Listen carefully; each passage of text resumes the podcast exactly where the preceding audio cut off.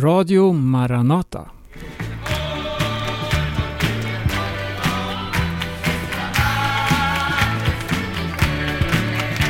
Bäste lyssnare, här kommer ett erbjudande.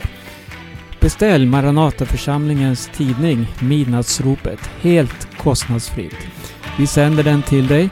Den ges ut med mellan fem och sex nummer per år. Och eh, du kan beställa genom att gå in på tidningens hemsida www.midnattsropet.se eller skicka ett mail till info midnattsropet.se Du kan ringa också till oss 070 201 60 20 Tidningen innehåller vittnesbörd, aktuell förkunnelse, reportage och så vidare med fokus på Jesus snara tillkommelse.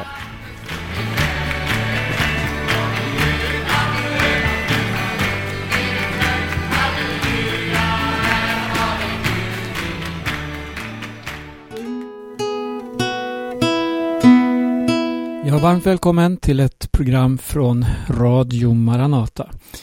Berno Vedén heter jag och vi ska fortsätta att se på helgedomen i öknen.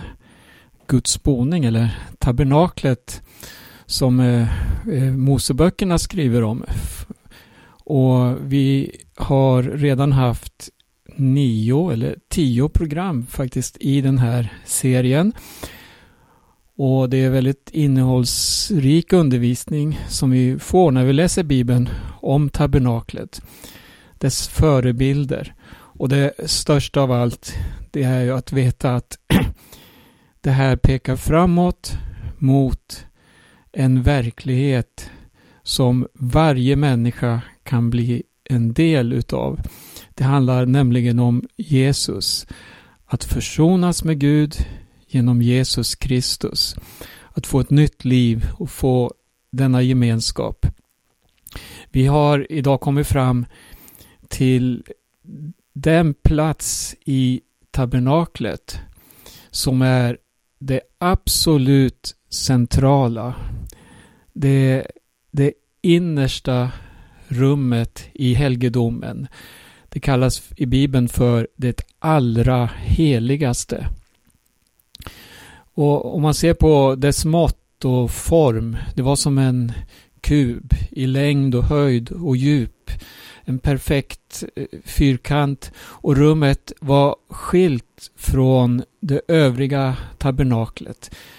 Det var skilt och det som åtskilde det allra heligaste från det heliga som vi talade om i förra programmet.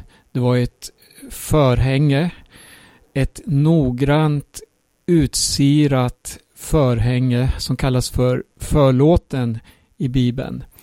Det var tillverkat av finaste garn, av eh, guld och det står så här i, i beskrivningen. Du ska göra ett förhänge av mörkblått, purpurrött och karmosinrött garn och tvinnat fint lingarn. Här ser vi färgerna och vi har redan talat om vad det representerar. Mörkblått, vi har det gudomliga. Purpurrött, det kungsliga och karmosinrött. Här har vi det som har med Jesu försoning att göra. Hans blod som blev utgivet för oss. Och linet har vi också talat om. Hur det man låter linet växa upp cirka en halv meter och sen när det är i sin bästa ålder, det börjar blomstra om vi säger så, ja då skördas det och används. Och det är en så oerhörd bild också det på Herren Jesus Kristus. Han som eh, i sin bästa ålder ja, blev utlämnad för att hånas och spottas på och han gav sitt liv för oss. Eh, det står vidare så här, det ska göras i konstvävnad med keruber på. Du ska hänga upp det på fyra stolpar av akacieträ. Stolparna ska vara överdragna med guld och ha krokar av guld och de ska stå på fyra fotstycken av silver. Du ska hänga upp förhänget i hakarna och föra dit vittnesbördets ark och ställa den innanför förhänget. Förhänget ska för er skilja det heliga från det allra heligaste. Ja, hit men inte längre brukar man säga. Det här var en absolut gräns för alla präster. Ja, till och med överste prästen. Ingen fick gå in i det allra heligaste. Förutom då översteprästen, en speciell dag på året. Och det kommer vi att nämna något om här också. Men nu ska vi blicka in i det allra heligaste. Vi ska förbi förlåten och vi blickar in då i platsen där Gud bodde. Där han hade tagit sin jordiska boning, där det fanns en ständig närvaro utav honom, av hans helighet. Och eh, jag tänker på eh, det här när översteprästen då en gång om året på försoningsdagen gick in där så bar ju han fram och bringade försoning först och främst för sig själv. För han var också en vanlig människa som behövde försonas med Gud. Men genom allt som vi har talat om i de här programmen och det vi har läst om i form av både klädsel och offer och ja, hela biten så ser vi hur Gud förberedde vägen in i det allra heligaste genom offer. Men än en gång, översteprästen han fick gå in i detta heligaste utrymme en gång om året och aldrig utan blod. Nej, han bar fram där och stänkte blodet på altaret och bringade försoning för hela folket. I sin klädsel så hade han ju bröstskölden och han hade eh, de här brickorna på skuldrorna eller på axlarna där namnen på Israels stammar var insirade eller graverade. Och så han bar in inför Gud då eh, folket, hela Israel och bringade försoning. Det här är förebilder.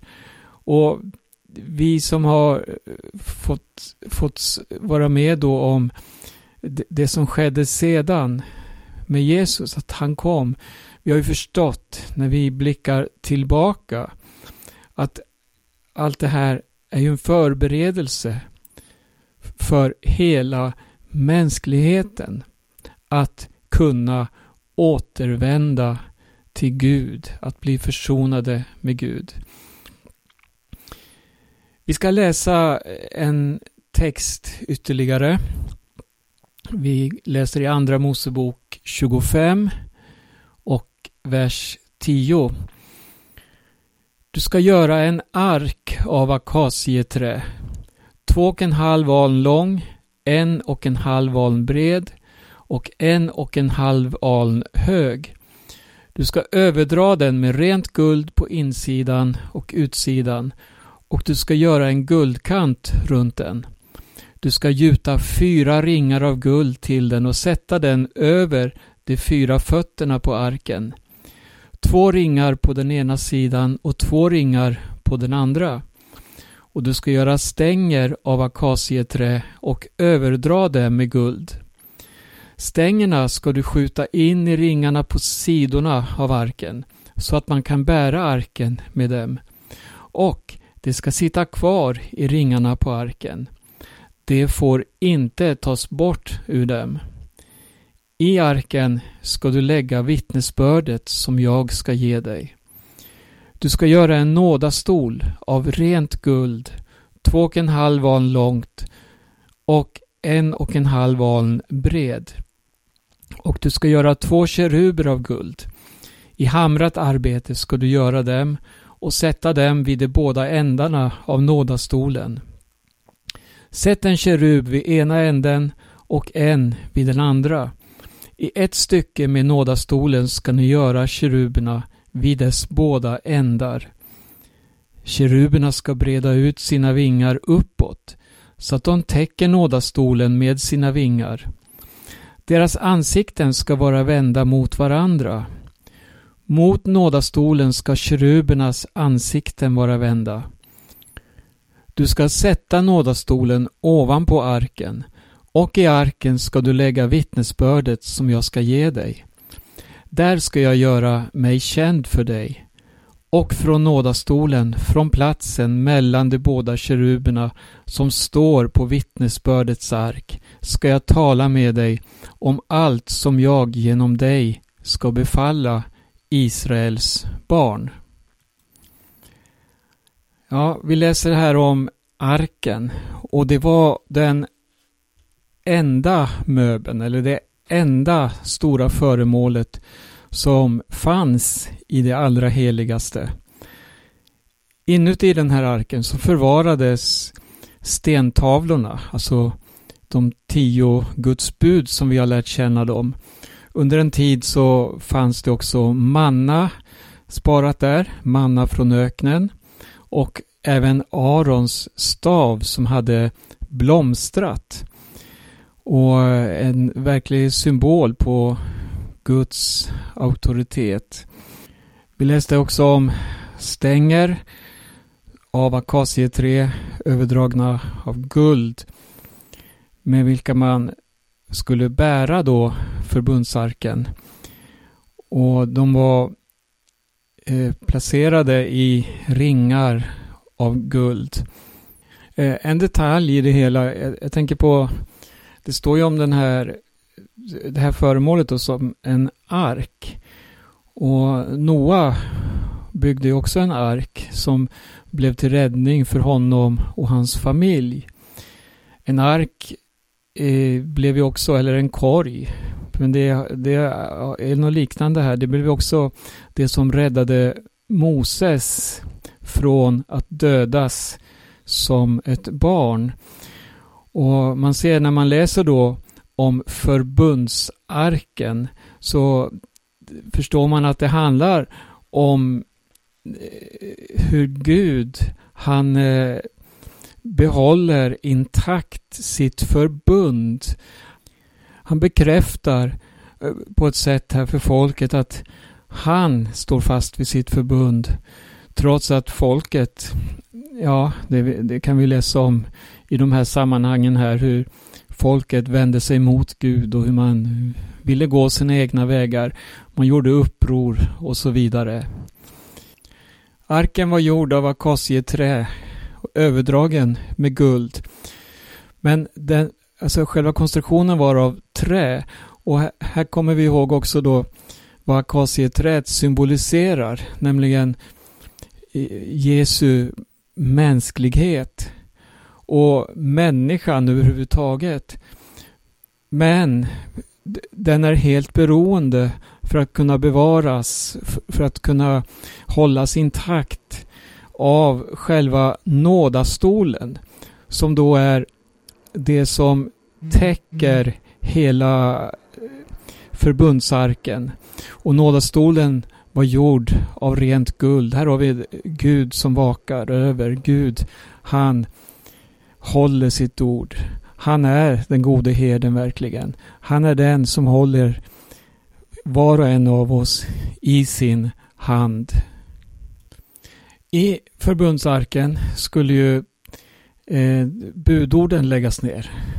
De som var skrivna på stentavlor. Och om man tänker sig då att dessa budord, de här tavlorna, de representerar Guds vilja med Israel. Och för oss symboliserar det här också någonting oerhört viktigt. Det, det, det pekar, pekar på Jesus. Han som hade hela Guds vilja i sitt hjärta då han som människa vandrade omkring här på jorden. Han var bokstavligen dessa budord som vandrade omkring här och inte det att han gick och lade det som tunga bördor på folk. Nej, han uppfyllde i sig själv hela Guds bud. Och på det här sättet ser vi hur Jesus som är lagens uppfyllelse representerar verkligen budorden. Men, men låt, låt oss återvända lite till arken som sådan. Den var ju av akacieträ och eh, den var täckt av guld. Och det, det, när, när, man läser då vittnesbördet om Jesus så, så talar det här om hans syndfria liv, hans ödmjukhet, hans lydnad och hur gudomligheten övertäckte det mänskliga. Och det är det här som vi, vi får uppleva när vi tar emot Jesus i våra liv. Vi som är syndfulla människor. Vi blir befriade från synden. Vi blir rättfärdiggjorda i och genom Jesus Kristus. Och Jesus han bad så här för sina lärjungar. I, det står så här i Johannes evangeliums 17 kapitel. Den eh, 21 versen.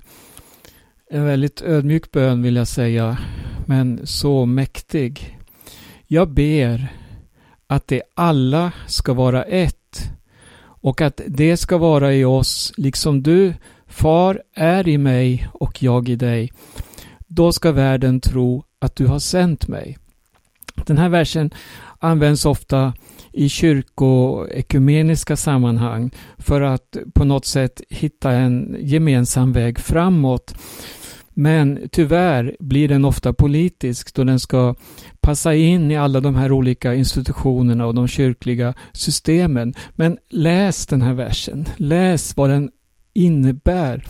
Hur djup den är. Alltså Jesus, Guds son, ber för sina lärjungar att alla ska vara ett. Det är en sak. Enheten är så oerhört viktig. Men hör här, att det ska vara i oss. Liksom du far är i mig och jag i dig. Tänk dig enheten mellan fader och son. Den här som vi kan läsa om under hela Jesu jordiska vandring. Han var så beroende av Fadern. Han anbefallde allt till Fadern. Han, han bad, han eh, förtröstade, han undervisade sina lärjungar om den här gemenskapen. Men du, här, här ser vi denna enhet som är mellan Fadern och Sonen. Den ber Jesus att den ska finnas bland oss. Det här är någonting långt annat än kyrkoekumenik. Det här är djupare. Och Det här symboliseras verkligen i förbundsarken. Den här arken där Gud har sin boning. Han bor där och, och så den är byggd av akacieträ, överdragen med guld. Men nådastolen, alltså vägen in till Gud, som vi får uppleva. Av nåd är vi frälsta. Den gör att vi kan bli så totalt förenade med vår Gud att det inte finns någonting som kan skilja oss åt. Och nu måste vi läsa, jag kommer osökt här att tänka på ett ord i Romarbrevet, det åttonde kapitlet. Det står så här i vers... Eh, nu, vi kan läsa från vers 35. Vem kan skilja oss från Kristi kärlek? Hör, vem kan skilja oss? Ja, nöd eller ångest, förföljelse eller svält, nakenhet eller svärd eller fara. Det står ju skrivet För din skull dödas vi dagen lång, vi räknas som slaktfår. Men i allt detta vinner vi en överväldigande seger genom honom som har älskat oss. För jag är viss om att varken död eller liv, varken änglar eller furstar, varken något som nu är eller något som ska komma, varken makter, höjd eller djup eller något annat skapat ska kunna skilja oss från Guds kärlek i Kristus Jesus, vår Herre.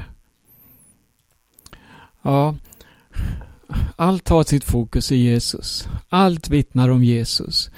Och, och det, det, här är oerhört viktigt i vår tid att framhäva, alltså att lyfta fram just namnet Jesus. För ofta när man talar om ekumenik så, så, så är det gemenskap på an, helt andra grunder. Man vill ha en religionssynkretism. Det, det, det är någonting som är på väldig frammarsch idag. Där, där den romersk-katolske påven är med och skjuter på verkligen och skapar fredsfördrag och olika gemenskapsfördrag mellan religionernas företrädare. Men du kommer aldrig ifrån det här. Evangelium är budskapet om Jesus Kristus. Ta bort det centrumet, det fokuset, den bärkraften och du får en död religion. Jesus han sa så här i Johannes 5, 36 själv har jag ett vittnesbörd som är större än det Johannes gav. Det verk som Fadern har gett mig att fullborda, just det verk som jag utför, det vittnar om att Fadern har sänt mig. Fadern som sänt mig har vittnat om mig.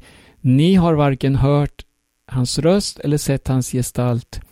Och hans ord lever inte kvar i er eftersom ni inte tror på den som han har sänt. Alltså, tro på Jesus. Det är utgångspunkten. Och Jesus representeras alltså här i förbundsarken. Eh, så har vi ju nådastolen. Nådastolen, alltså det lock som låg över arken som var gjort av rent guld. Och tänk dig in då när översteprästen på försoningsdagen gick in i denna plats. Det, det, det var som att komma inför Guds tron där Gud bor. Läs om tronhimlen. Läs i Uppenbarelseboken om den makt som går ut ifrån tronen. Och det var precis det som översteprästen fick möta. Den, den heligheten och den, den oerhörda makten som gick ut därifrån. Och den nåden som går ut ifrån Guds tron. Det står så här i första Johannes. Vi kan läsa andra kapitlet. Mina barn, detta skriver jag till er för att ni inte ska synda. Men om någon syndar har vi en som för vår talan inför Fadern, Jesus Kristus den rättfärdige. Han är försoningen för våra synder och inte bara för våra utan också för hela världens. Försoning, förlåtelse. Tänk dig människan som eh, inte egentligen är värd något annat än att möta Guds vrede på grund av synden. Men straffet, det lades på Jesus. Han är vår frid. Han tog vårt straff på sig. Och genom Kristus så får vi uppleva denna barmhärtighet ifrån Gud. Och det står så här i Romarbrevet 3 och 23. Nu handlar det om alla människor på den här jorden. Ingen kommer undan. Oavsett vad du kallar dig, om du är religiös eller inte, om du är ateist eller eh, vad du själv sätter för epitet på dig. Men kom ihåg, du är en människa skapad av Gud. Och alla har syndat och saknar härligheten från Gud. Och sen fortsätter vi läsa här. Och det förklaras rättfärdiga som en gåva av hans nåd därför att de är friköpta av Kristus Jesus. Honom har Gud ställt fram som en nådastol genom tron på hans blod. Så ville han visa sin rättfärdighet eftersom han i sitt tålamod hade lämnat de tidigare begångna synderna ostraffade. Vad, vad, är, vad, är, det för domstol? Vad är det för domare som dömer? Han dömer eh, skyldiga att gå fria. Det, det, det, låter inte klokt egentligen. Men det, det är det här som händer när vi tar emot Jesus och låter Jesus få förvandla våra liv. Vi blir nya skapelser. Och domaren, han ser på oss genom Jesus Kristus. Jesus bar redan vårt straff. Han tog det på sig. Och, och, Faktum är att det finns bara två platser där synden kan ha sin boning. Det är antingen i dig och mig och det för med sig sina konsekvenser. Eller också är, ligger den hos Jesus. Och Jesus han tog vår synd på sig. Bar straffet. Och därför är vi fria. Han vann seger över synden. Den enda person som överhuvudtaget har den makten att besegra synden och ge människan ett evigt liv i gemenskap med sig själv, med Gud, med Fadern, med Sonen, med hela den himmelska härskaran och all dess härlighet. Ja, allt det här har vi i Herren Jesus Kristus. Lyssna till de här orden som Johannes skrev i sitt första brev, kapitel 4, vers 10. Detta är kärleken. Inte att vi har älskat Gud, utan att han har älskat oss och sänt sin son till försoning för våra synder. Ja, vi ska läsa ytterligare ett stycke och jag inser att vi kommer att behöva ytterligare ett program för att göra färdig den här serien om tabernaklet. Vi kan inte stressa fram utan vi får ta bit för bit. Och Vi ska läsa i Hebreerbrevet kapitel 9. Här skriver författaren då, vi läser från första versen. Det första förbundet hade sina regler för gudstjänsten och sin jordiska helgedom. Ett tabernakel inreddes med ett första rum som kallades det heliga. Där stod ljusstaken och bordet med skådebröden. Bakom det andra förhänget fanns ett rum som kallades det allra heligaste. Dit hörde det förgyllda rökelsealtaret och förbundsarken, som var helt överdragen med guld. I den fanns en guldkruka med mannat, Arons stav som hade grönskat samt förbundets tavlor. Ovanpå arken stod härlighetens keruber som överskuggade nådastolen. Och så hoppar vi fram till vers 11. Men nu har Kristus kommit som överste präst för det goda som skulle komma genom ett, det större och fullkomligare tabernaklet som inte är gjort av människohand och alltså inte tillhör den här skapelsen. Gick han in i det allra heligaste en gång för alla, inte med bockars och kalvars blod utan med sitt eget blod och vann en evig återlösning.